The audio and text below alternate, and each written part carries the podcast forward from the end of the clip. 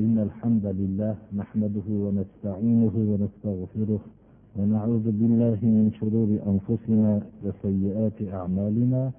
من يهده الله فلا مضل له ومن يضلل فلا هادي له. وأشهد أن لا إله إلا الله وحده لا شريك له. وأشهد أن محمدا عبده ورسوله. أما بعد. السلام عليكم ورحمة الله وبركاته.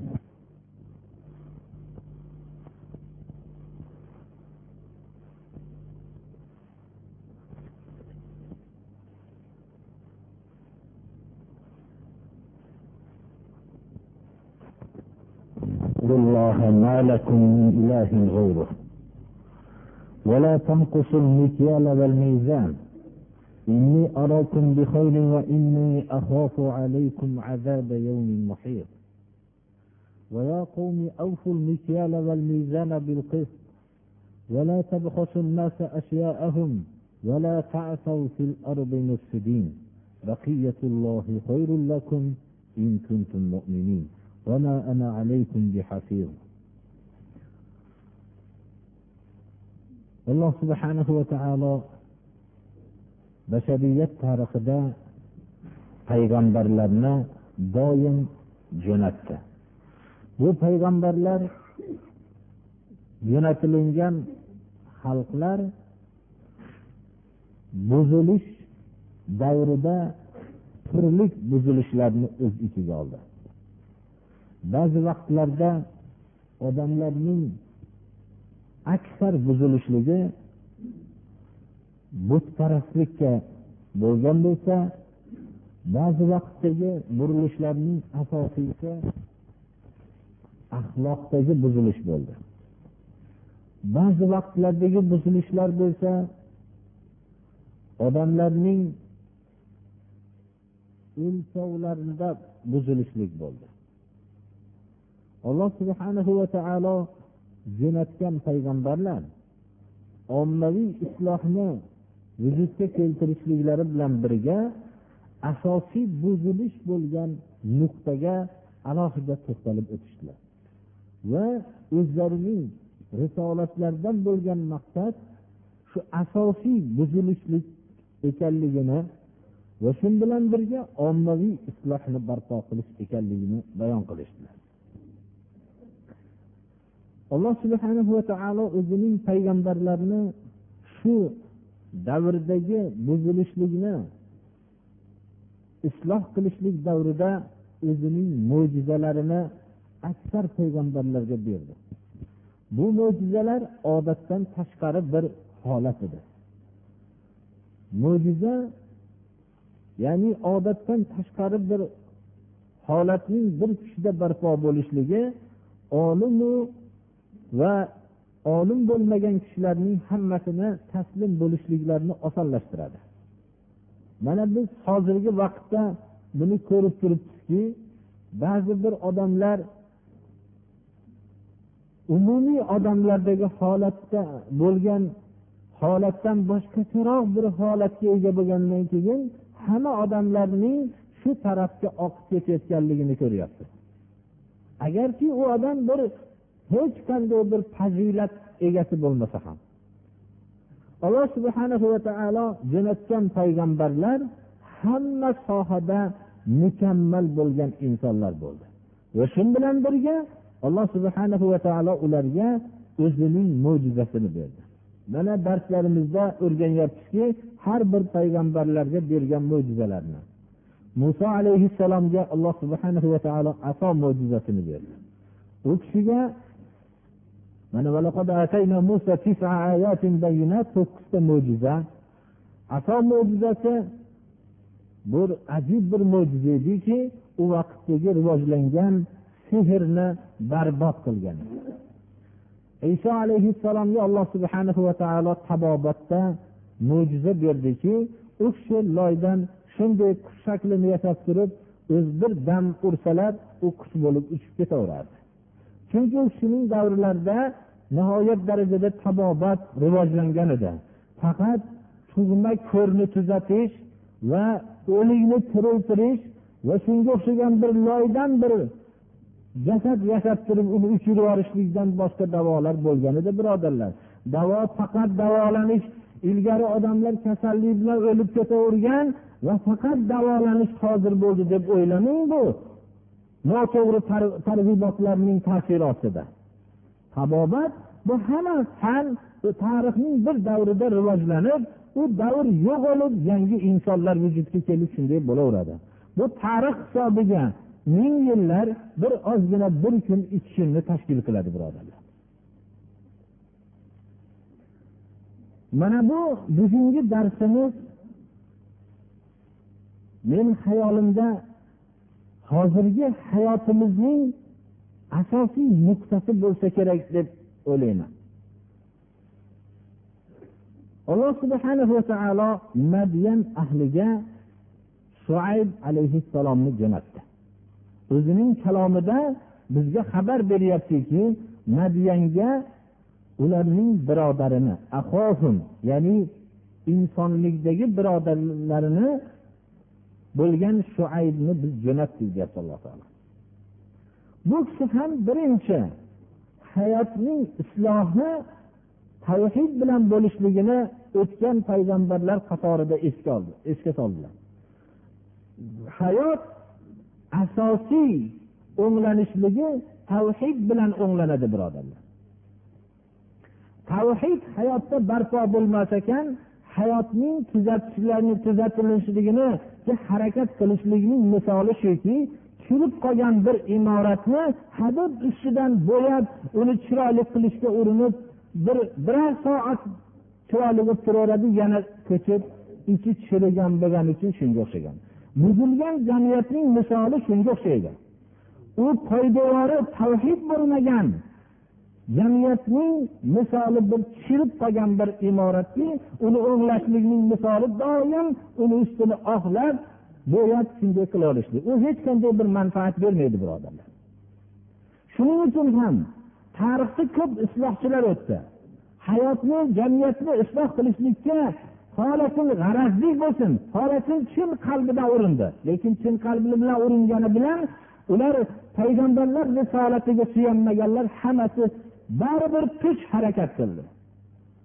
Misoli ularning islohi shunga o'xshadiki mana tariximiz uzun tarix va yaqin tarix shunga o'xshaydi ko'rinib turibdiki bir loyqalangan suvni ma'lum bir vaqt tinib turishganga o'xshaydi.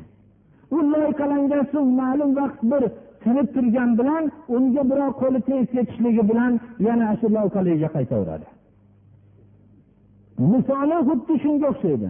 Uning tinib turgan holatini ko'rsatishlik uchun nihoyatda ehtiyotkorlik bilan ehtiyot bo'lib turgan vaqtida bir ko'rsatilgan bo'ldi xolos lekin u baribir loyqaligi hech qachon tagidagi loyqa najas bu narsa hech qachon tarqalmasdan qolmaydi albatta tarqalaveradi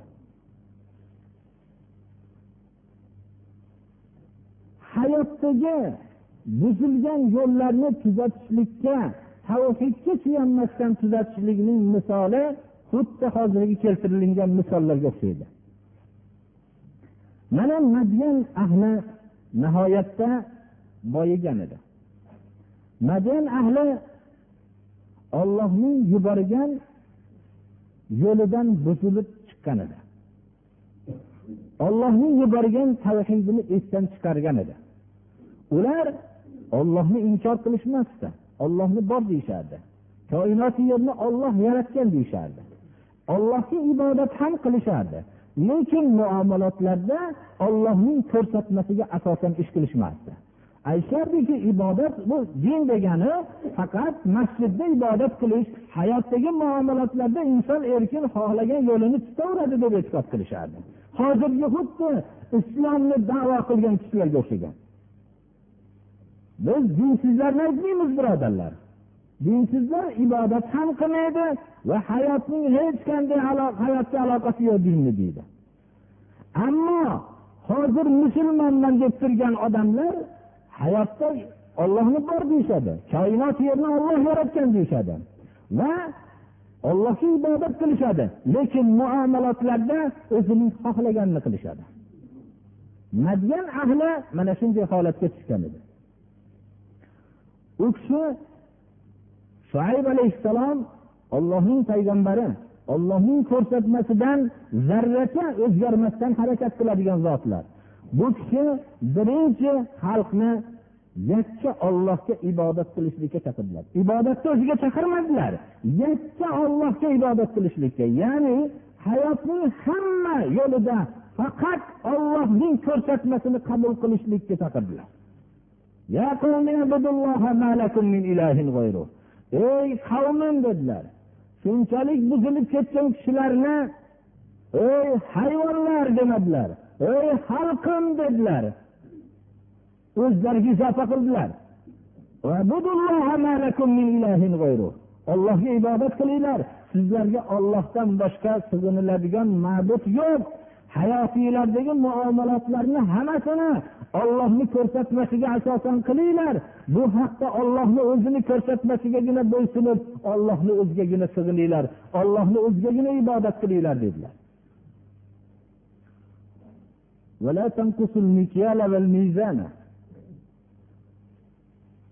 Mikyal ma'lum bir o'lchov asbobi bilan beriladigan narsa. Mezon tarozi bilan o'lchab beriladigan narsa. Hayotdagi o'lchovlar ikki narsani tashkil qiladi. Birinchi moddiy o'lchovlar ikkinchisi ma'naviy o'lchovlar. Moddiy o'lchovning muvozanatdan chiqishligi bizga ko'rinib turadi birodarlar. Moddiy o'lchovlarda muvozanatdan chiqishlik hayotni butun e'lon qilinmagan jang maydoniga aylantirib tashlaydi. Odamlarning o'rtasidagi muhabbat ko'tariladi. Ellik yil bir odam sizga o'zining o'lchovida adolat qilib yurgan bo'lsa bir kun shuning adolat qilmaganligini eshitib bilishligingiz bilan unga nisbatan sizning muhabbatingiz yo'qoladida adovat paydo bo'ladi. Islomning ashaddiy dushmanlari islom jamiyatlarini buzib tashlashlikda mana bu silohdan foydalanishadi. U musulmonlar o'rtasida xiyonatni vujudga keltirishadi. Bu xiyonat insonni alloh subhana va taolo man qilgan narsa bo'lganligi uchun shu vaqtdan foydalanib musulmonlarning o'rtasi bir biriga zid bo'lib ketadi. Bu kishi o'lchovlarimizning ikkinchi turi ma'naviy o'lchov. Odamlarning o'zining fazilati taqvosiga qarab baho berishligimiz fazilatli taqvoli odamlarni past qilmasligimiz va o'zi kazzob muttaham odamlarni oliy odam deb o'lchamasligimizdir bu.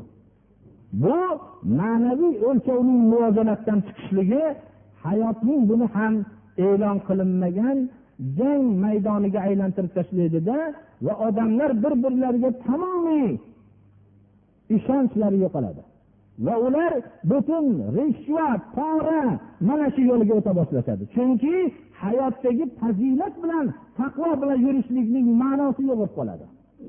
Hech kim uni fazilat taqvoning e'tibori yo'q bo'ladi. Rasululloh sollallohu alayhi vasallam qiyomatning alomatlarini bayon qilganlarida qiyomatning alomatlari nima deganlarida birinchi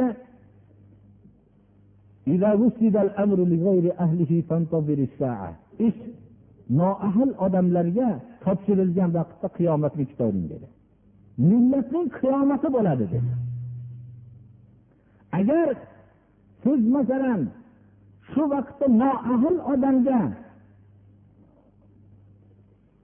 ish topshirilgan bo'lsa bilingki u millatning qiyomati bo'ladi. Shuning uchun payg'ambarimiz sollallohu alayhi vasallamdan yana ba'zi vaqtda so'raladi omonat zoya qilinganda qiyomatni kuting dedilar. Omonat shunday zoya qilinadiki dedilar rasululloh sollallohu alayhi vasallam. Amin odam haqida odamlar falon shaharga borsang bir omonatli odam bor deb eshitdim deydigan xabarlar bo'lib qoladi dedilar. Ya'ni omonatli odamni topib berolmasdan odamlar omonatlik falon shaharda shu borsang shunday omonatli borni odamning eshitib turibman bo'lsa kerak deb xabar berishadi. Mana shu qiyomatni alomatlaridan demak biz moddiy va ma'naviy o'lchovni agar buzadigan bo'lsak bilingki alloh subhana va taoloning balosi shu ummatga keladi. Shoyib alayhissalom xalqlarni ogohlantirdilar. O'lchovlarni kamaytirmanglar. Tarozilarni kamaytirmanglar dedilar. Men sizlarni juda yaxshilikda ko'ryapman. Sizlar nihoyatda yaxshi mamnun bir holatda turibsizlar endi o'lchovni buzish boshlandi sizlarda. Qattiq bir azob kelishligini man ogohlantiraman dedilar. Juda sizlarni bir yaxshi holatda ko'ryapman dedilar.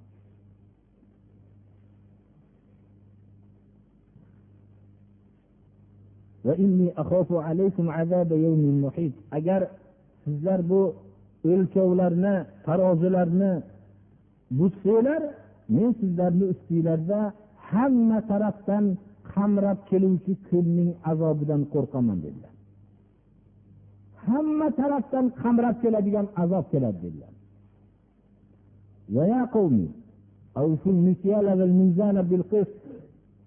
Ey xalqim dedilar o'lchovlarni to'la qilib beringlar dedilar.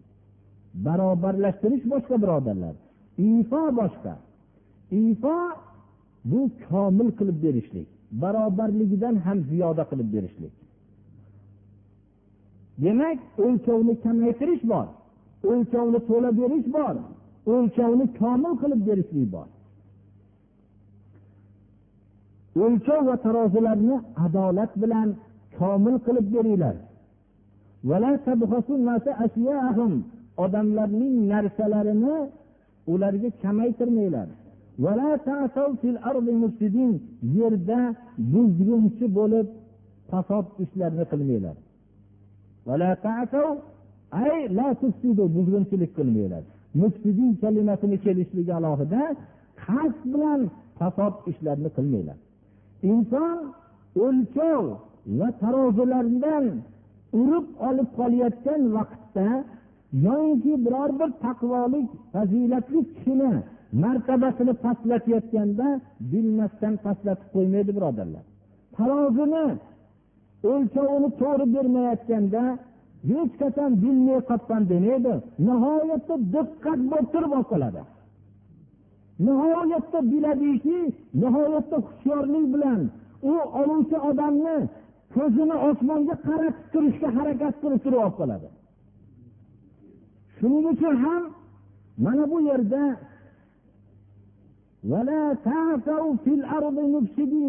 yerda sizlar qasd bilan buzg'unchilik harakatini qilmanglar.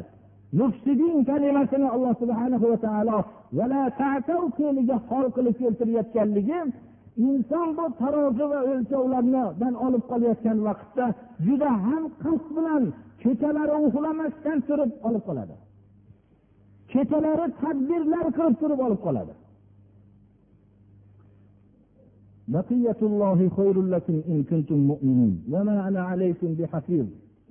Ollohning qoldig'i sizlarga yaxshi. Har bir ishni inson halol muomalat bilan qilsa olloh unga bir ozgina barakot qoldiradi. Biror bir kishi halol muomala qilishligi bilan unga bir barakot qoldig'i qolmasdan qolmaydi birodarlar. Albatta bo'ladi unga. Baqiyatulloh ollohni bergani bu.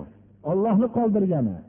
Ollohning bergan bu barakoti ollohni bergan daromadi mana bu narsa sizlar uchun yaxshiroqdir agar mo'min bo'lsanglar. Azob kelganda men sizlarni saqlab qoluvchi emasman. Men faqat olloh tarafidan bo'lgan risolatni yetkazuvchiman xolos dedilar.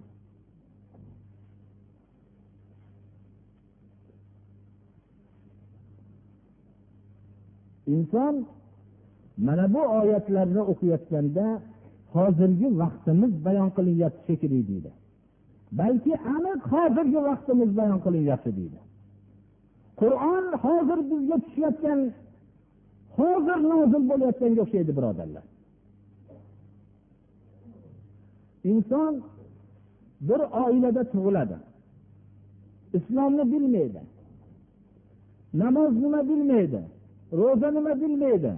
Ollohni bor degan oilada tug'ilgan. Birdan u oilada tug'ilib islomni eshitadi. Va islomga uning fitrati bog'lanadi va islomni o'rganadi.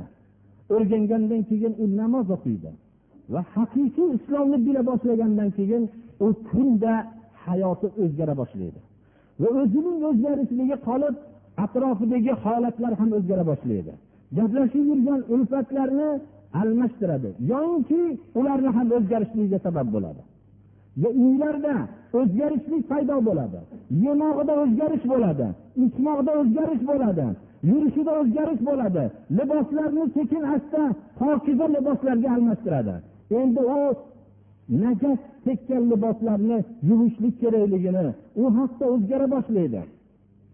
U oilasiga nisbatan ham o'zgarish bo'la boshlaydi. Oilasini endi ilgari hech bu bilan ishi bo'lmay qolgan yo'q endi liboslaringni o'zgartir deya boshlaydi. Va liboslarni o'zgartirgandan keyin halol yurishlik va pokiza yurishlikni ziynatlarni faqat mahramlarga ko'rsatishlik haqida o'zgara boshlaydi. Ilgari dadasi nima desa ho'p deb turgan mast qiluvchi ichimlikni olib kelgin desa ho'p deb olib kelib turgan va o'zining kashandalik jihozlarini olib keling desa ho'p deb turgan va butun ayolini har qanday noshar'iy holatiga rozi bo'lib turgan odam butunlay boshqa dunyoga o'ta boshlaydi. Shunda o'zining oilasi farzandlari aka ukalari birodarlari o'rtasida munozara boshlanadi.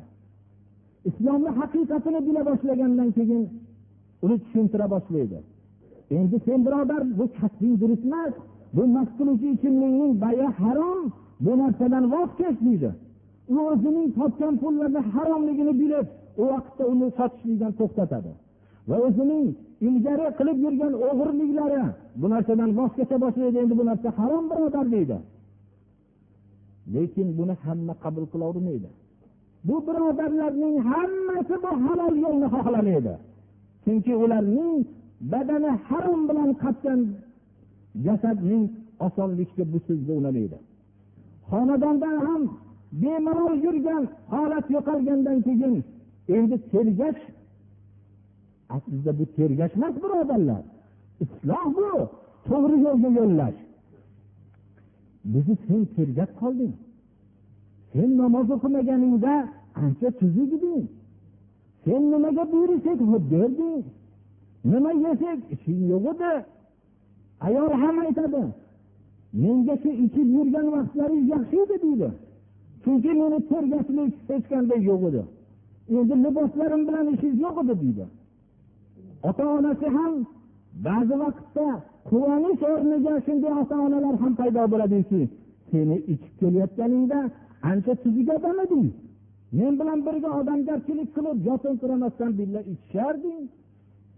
Sen masalan birodarlaring bilan bir yoshlik yigitlik nashu namozini surib yurarding. Endi sen o'zingni sal tashqari boshqani ham tergay boshlading. Seni bu namozing seni o'zgartiryapti shekilli biz qilayotgan ishni shu o'qigan namozing qaytaryaptimi deydi. Mana bu so'z voy siz endi ilgari olib qolayotgan o'g'irliklardan voz keching endi. Bu narsalar durust emas. Shuayb alayhissalom ogohlantirdilar. O'lchovlarni barobar beringlar balki komil beringlar. endi kamaytirmanglar degan vaqtda shuayb alayhissalomga aytilgan so'z xuddi hozirgi hayotimizda bo'layotgan ishga o'xshaydi يا شعيب أصلاتك تأمرك أن نترك ما يعبد آبائنا أو أن نفعل في أموالنا ما نشاء إنك لأنت الحليم الرشيد bu bid'atlardan voz keching bu narsalarni qilmang siz butun topgan o'g'irlik bilan siz hatmi qur'on qilyapsiz. Olloh sizni bunday hatmi qur'onga buyurgani yo'q o'g'irlikdan tiyilishlikka buyurdi. Siz butun hayotingizda pora bilan yashab bunga buyurgani yo'q bu pora bilan bo'lgan hatmi qur'on sizga foyda bermaydi. Siz navoiylik kasbini qilayotgan bo'lsangiz qilayotgan nonni odatdagidan kuchaytirib qilgan va ko'paytirib topgan moli davlatingiz sizga foyda qilmaydi. Bu odamlarning haqlarini tortib olib turib bu qilayotgan bu siz o'zizga nom bergan ehsonlaringiz foyda bermaydi. Desangiz sen namoz o'qiganingdan keyin senda o'zgarish bo'ldi deydi. Sen boshqacha bo'lib qolding. Islom halimlikka buyurdi berding sen islom halim deydi. Halim nima ularning fikrida? Nima qand yeyotgan bo'lsa ho'p deb turishlik halim. Mana bu vaqtda shoib alayhissalomga ular aytishdiki ya shoib ey shoib seni namozing buyuryaptimi? Bizni ajdodlarimiz qilib kelgan ishdan qaytarishlikka. Sen namoz sen namoz o'qiganingdan keyin boshqacha bo'lib qolding sen.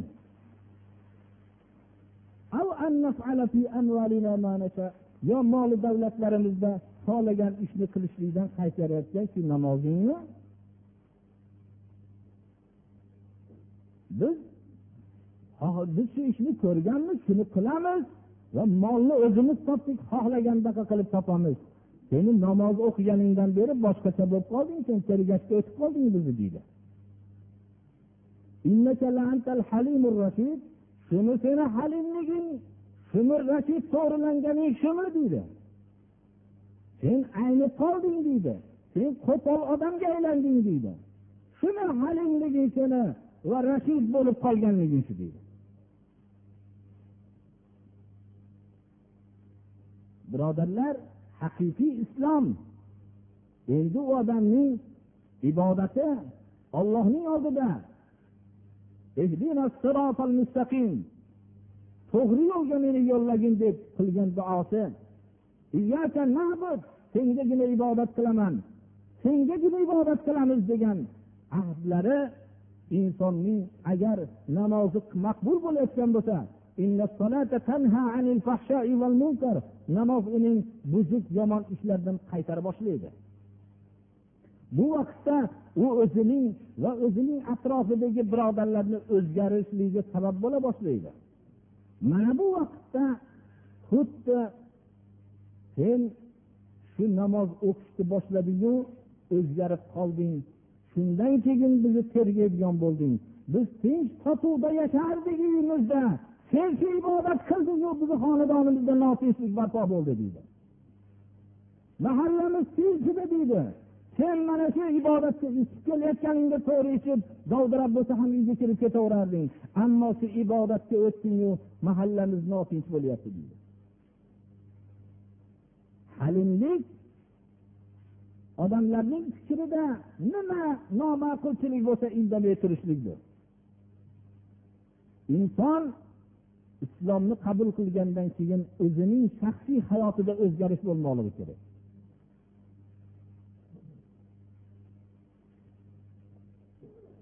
قال يا قوم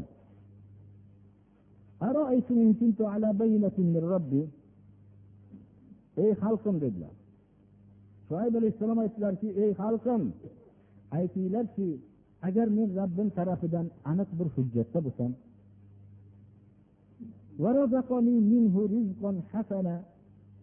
alloh taolo o'zini tarafidan menga bir go'zal bir rizq bergan bo'lsa ya'ni o'zini marhamatini berib turgan bo'lsa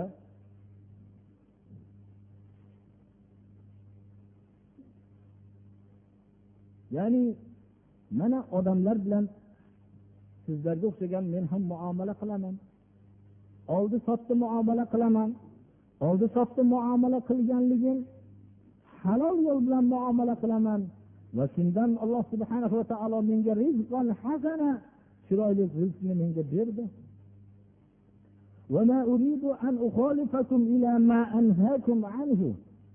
Men bu o'zim harom ishlarni qilib turib sizlarni qaytarayotganim yo'q. Men o'zim qaytarayotgan narsadagi chaqirib sizlarga qarama qarshi ish qilmoqchi emasman. Payg'ambarlar olloh yo'liga chaqirishganlar ammo hammadan ham ilgari olloh yo'liga o'zlari amal qilishganlar birodarlar. Men bir sizlarni o'zim qilib bir ishni keyin u narsadan sizlarni qaytarayotganim yo'q. Mana men halol muomaladaman halol muomala bilan alloh subhana va taolo menga rizqon hasana chiroyli rizqni berdi.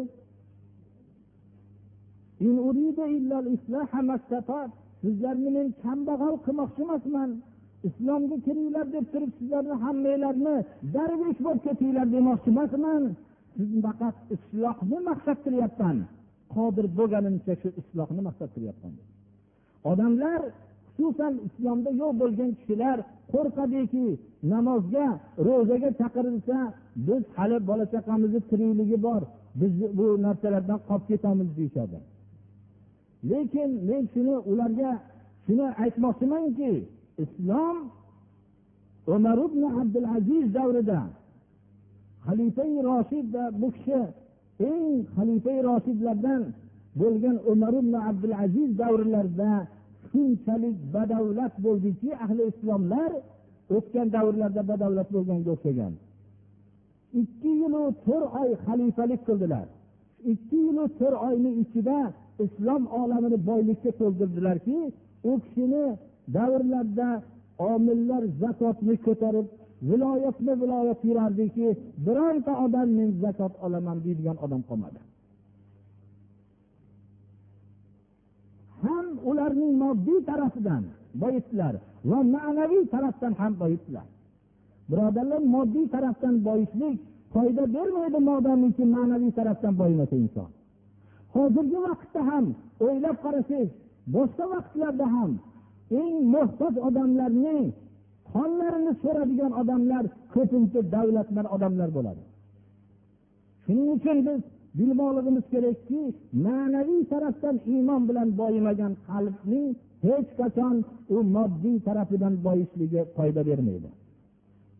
Umar ibn abdul aziz hamma odamni boyitib yubordi zakot olib kelmanglar dedilar xalqlar.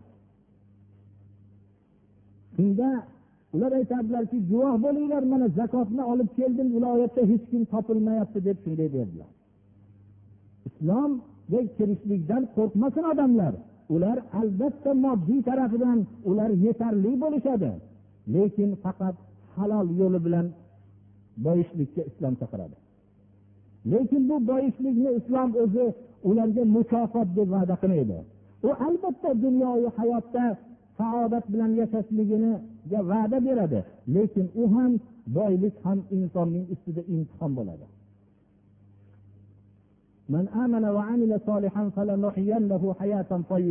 Kim iymon keltirsa amali solih qilsa ularni pokiza hayot bilan yashataman deydi alloh taolo.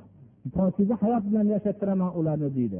Ya'ni pokiza hayot juda mamnun bo'lgan hayot bilan o'zi rozi bo'ladigan hayot bilan insonni yashatishlikka olloh va'da beryapti. Inson halol yashagan odam qalbi xotirjam bo'lib yashaydi. U iztirobi qalbiy bo'lmaydi. Uni yurak kasallari bo'lmaydi. U borgan sari tozalanib boraveradi. U jur'atli bo'lib boraveradi. Chunki u hayoti haloldir uni.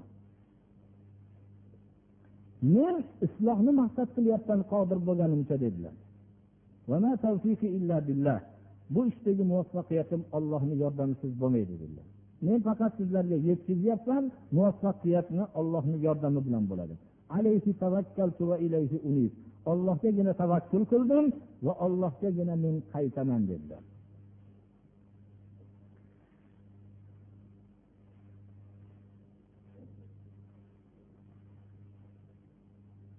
Shuayb alayhissalom xalqiga xitob qilgan so'zlarni inshaalloh yanagi darsimizga davom ettiramiz.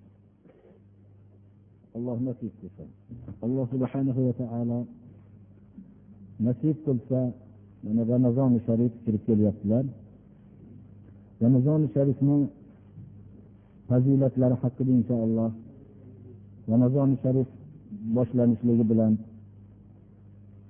bu haqda darslarimizda bayon qilib o'tamiz birinchi payg'ambarimiz sollallohu alayhi vasallam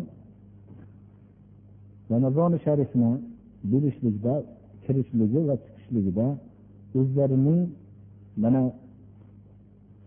yo'llanmalarini berdilar bismillahi rohmanir rohim sumu liru'yatihi va aftiru liroyatihi فإن غم عليكم فأكملوا الشعبان ramazon oyini ko'rib ro'za tutinglar va ramazon oyini oyi tamom bo'lib yangi oy kirganini ko'rib ro'zani to'xtatinglar dedilar Agar sizlarga havo aynib qolgan bo'lsa shabon oyini o'ttiz kun qilib to'ldirishinglarda uni ertasidan ro'za tutinglar dedilar bizni diyorimizda birodarlar ramazoni sharifni oyini tekshirib kelishlikda ko'p kishilar tushunchasi g'alati bo'lganligidan dovdirashib qolishadi. Ramazon oyidan ilgarigi shabon oyini tekshirilgan bo'lsa shabon oyini biz ko'rgan kunda ertasi kuni birinchi kun shabon bo'ladi. Ko'p odamlar oyni ko'rdik deydi shu kunni birinchi kun deb hisoblashadi biz oyni ko'ramiz. Ko'rganimizdan keyingi kun tong otishligi bilan bu birinchi kun hisob bo'ladi. Shunda odamlarda bir kunda xato qilishadi. Biz oyni ko'rish va oyni ko'rib tutish oyni ko'rib ro'zani to'xtatishlik keyingi oyni yangi oyni ko'rib turib. Bu bizni asosiy qoidamiz. Agar oy ko'rinmay qolsa shabonni komil qilishlik bu ham rasululloh sollallohu alayhi vasallamning bergan bizlarga yo'llanmasi. Shuning uchun shabon oyini tekshirib ko'rilishganiga qaraganda o'ttiz birinchi kuni shabon oyi komil bo'ladi birodarlar. Ya'ni shu kuni ramazon oyi ko'rinadi. Vallohu alam. O'ttiz birinchi kuni biz kechasi seshanba kuni kechqurun turamiz. Ya'ni birinchi kuni niyat qilgan bo'lamiz. Bu savollar berilgan birodarlar bu ko'pchilikni orasida beriladigan savol emas birodarlar.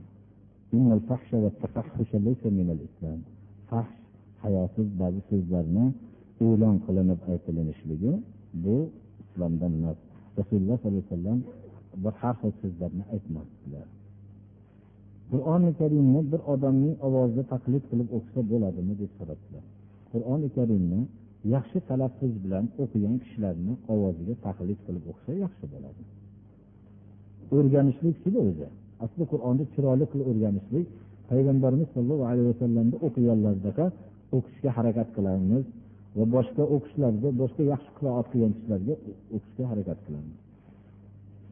Jumaga kelganligini ba'zi bir kishilar ota onalarni notobligini duo qilamiz shundan ilgari bir kishi yana bitta savol qildilarki men o'zim haligi baxshilik shunga o'xshagan narsalar qilib yurardim.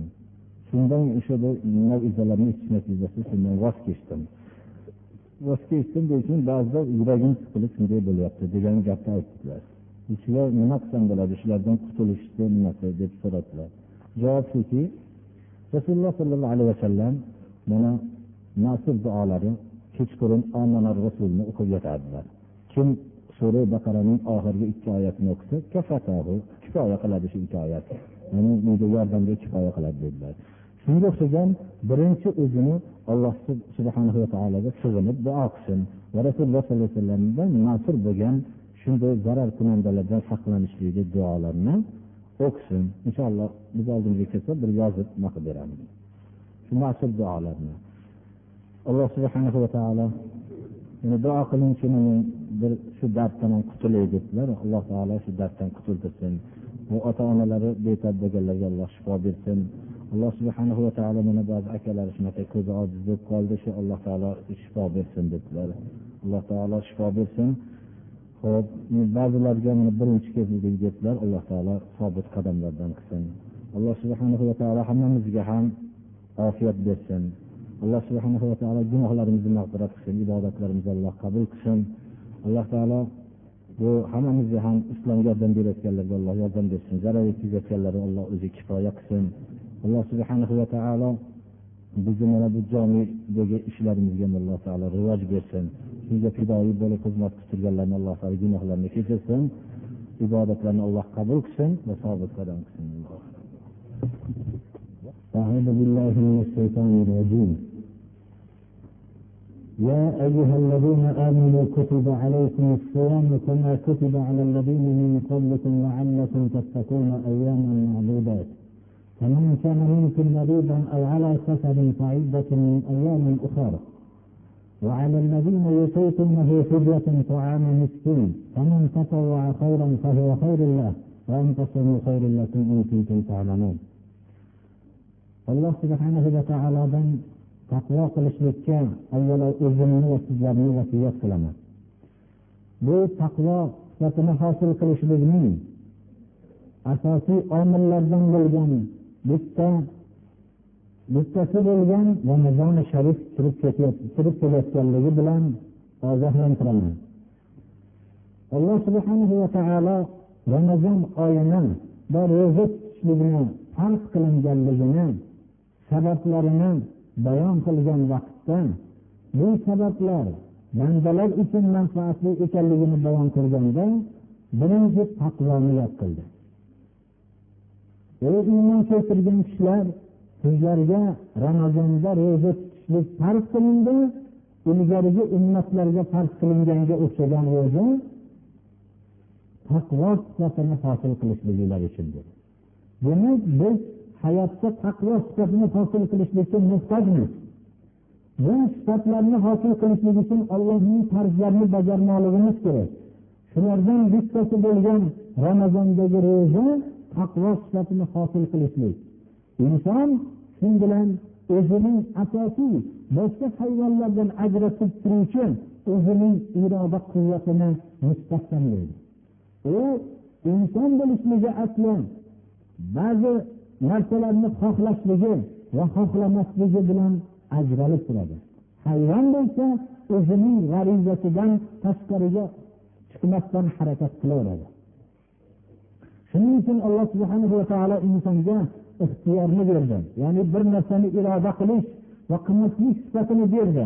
Mana bu sifatning mustahkam bo'lishligi bilan inson dunyoyu oxiratda saodatli bo'ladi. Va bu sifatning susayib ketishligi bilan havoga qul bo'lib qolishligi bilan inson hayvonlik manzilasiga yaqinlashib boradi. Shunday hayvon sifatida bo'lib qolmasligi uchun insonning taqvo sifatini hosil qiluvchi asosiy omil bo'lgan ro'zani farz qildi alloh subhana taolo.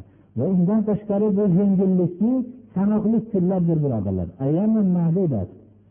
Ikkinchi bizga sanoqli kunlar ekanligini bilishligimiz bizga yengillashtiradi.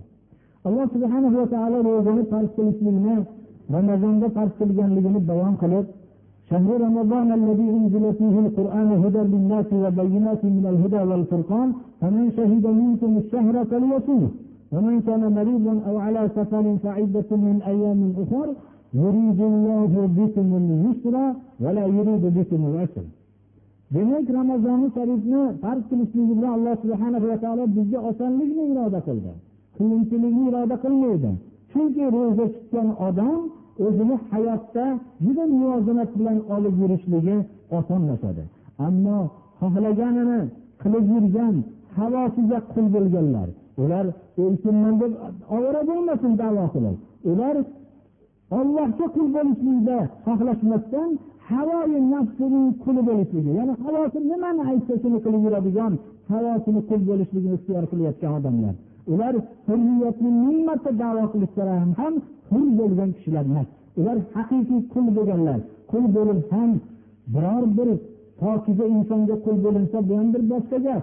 Lekin havoga qul bo'lgan shahvatga qul bo'lgan odamlardir ular odam odam avlodini mukarram qildim degan zot insonning shunday xor qul bo'lishligini xohlamadida o'zining aziz quli bo'lishligini. Ollohgagina qul bo'lishligini xohladi. Ollohga qul bo'lolasa inson haqiqiy podshoh bo'la oladi.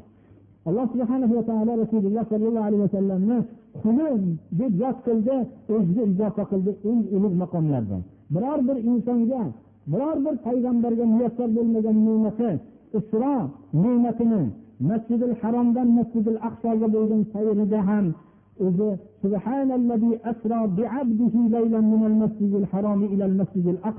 o'zining qulini deb yod qildi.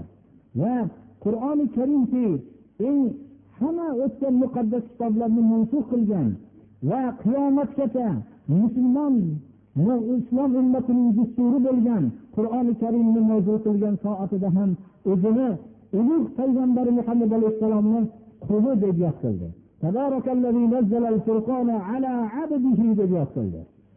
Shuning uchun ollohga qul bo'lolmagan odam eng aziz odamdir birodarlar ramazoni sharifni g'animat bilaylik va bunda o'zimizga taqvo sifatini hosil qilishlikka harakat qilaylik va maloikalar rasululloh sollallohu alayhi vasallamga salovat aytishligini qur'oni karimda yod qildi va rasululloh sollallohu alayhi vasallam o'zlari ham من صلى علي صلى الله له عشر مرات كم من جاء برمة صلوات أيسا أمة الله سبحانه وتعالى صلوات أيسا لدي يعني أذني رحمة جعل هذا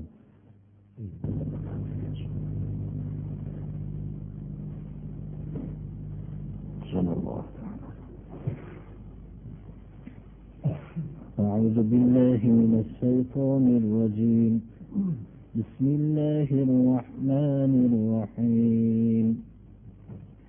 يا أيها الذين آمنوا توبوا إلى الله توبة نصوحا.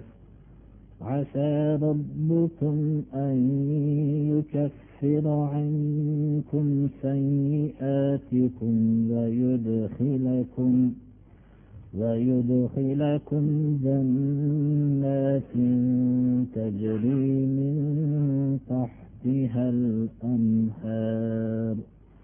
يوم لا يخزي الله النبي والذين آمنوا معه نورهم يسعى